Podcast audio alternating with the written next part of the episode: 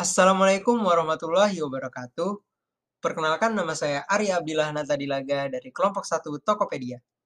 Kali ini saya akan mereview materi dari Mabim tanggal 19 September 2021 yang berjudul Konsep Diri Mahasiswa yang dibawakan oleh Khairunisa Prastiti.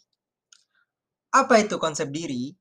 Konsep diri adalah persepsi individu terhadap dirinya sendiri yang dapat dipengaruhi oleh lingkungan terhadap konsep diri positif dan negatif yang dapat mempengaruhi individu saat berhubungan dengan orang lain. Apa itu mahasiswa?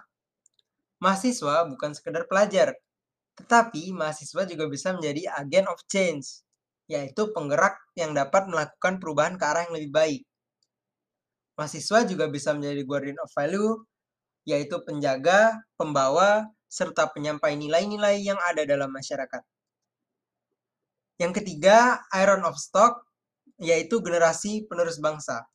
Yang keempat, Moral Face, yaitu pelajar tingkat tinggi yang tidak hanya berilmu, tetapi memiliki moral yang baik. Yang kelima, Social Control, yaitu mampu menjadi pengontrol sebuah kehidupan pada masyarakat. Kenapa sih harus sadar konsep diri? Karena konsep diri itu berpengaruh pada perilaku. Orang dengan konsep diri positif akan menganggap pengalaman negatif sebagai jembatan menuju perkembangan yang positif.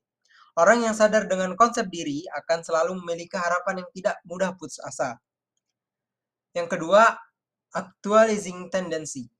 Memiliki kecenderungan memenuhi potensi yang dimiliki, alias kodratnya manusia adalah untuk mengembangkan diri. Selanjutnya, tiga komponen konsep diri. Yang pertama, self-image. Bagaimana kita memandang diri sendiri baik secara fisik, peran sosial, maupun kepribadian.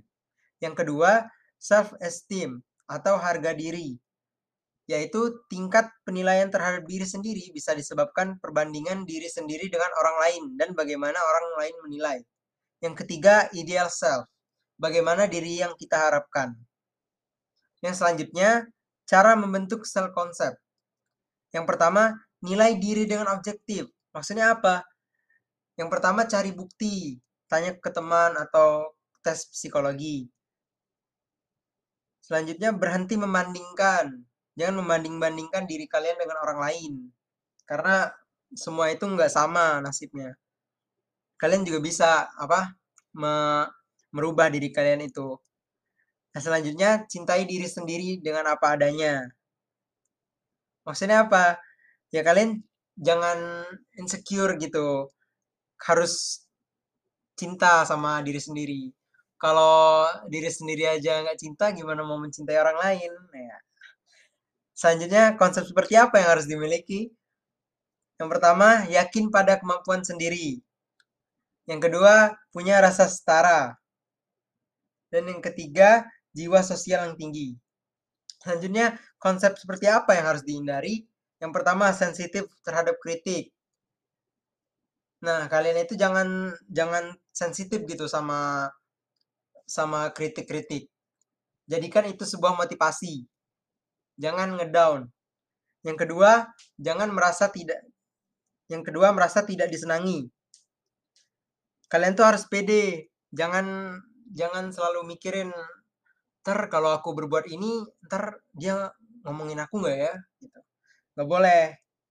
Yang ketiga pesimis. Nah tadi sudah dijelasin harus pede ya. Nah 10 keterampilan yang harus kalian punya. Yang pertama kreativitas tinggi. Yang kedua komitmen. Yang ketiga mandiri. Yang keempat berani menghadapi resiko. Yang kelima motif berprestasi tinggi. Yang keenam selalu punya perspektif. Yang ketujuh, punya perilaku yang inovatif. Yang kelapan, selalu mencari peluang. Yang kesembilan, memiliki jiwa kepemimpinan. Dan yang kesepuluh, kemampuan memanage. Kualitas diri seseorang mencerminkan dalam standar yang mereka tetapkan untuk diri mereka sendiri. Jadi, kesimpulan yang bisa saya ambil dari materi tadi adalah kita harus benar-benar memahami konsep diri kita sendiri agar kita bisa lebih mengenal diri kita sendiri. Karena konsep diri itulah yang akan membawa kita ke jalan yang lebih baik buat ke depannya. Oke, segitu aja mungkin dari saya. Wabillahi taufiq hidayah. Wassalamualaikum warahmatullahi wabarakatuh.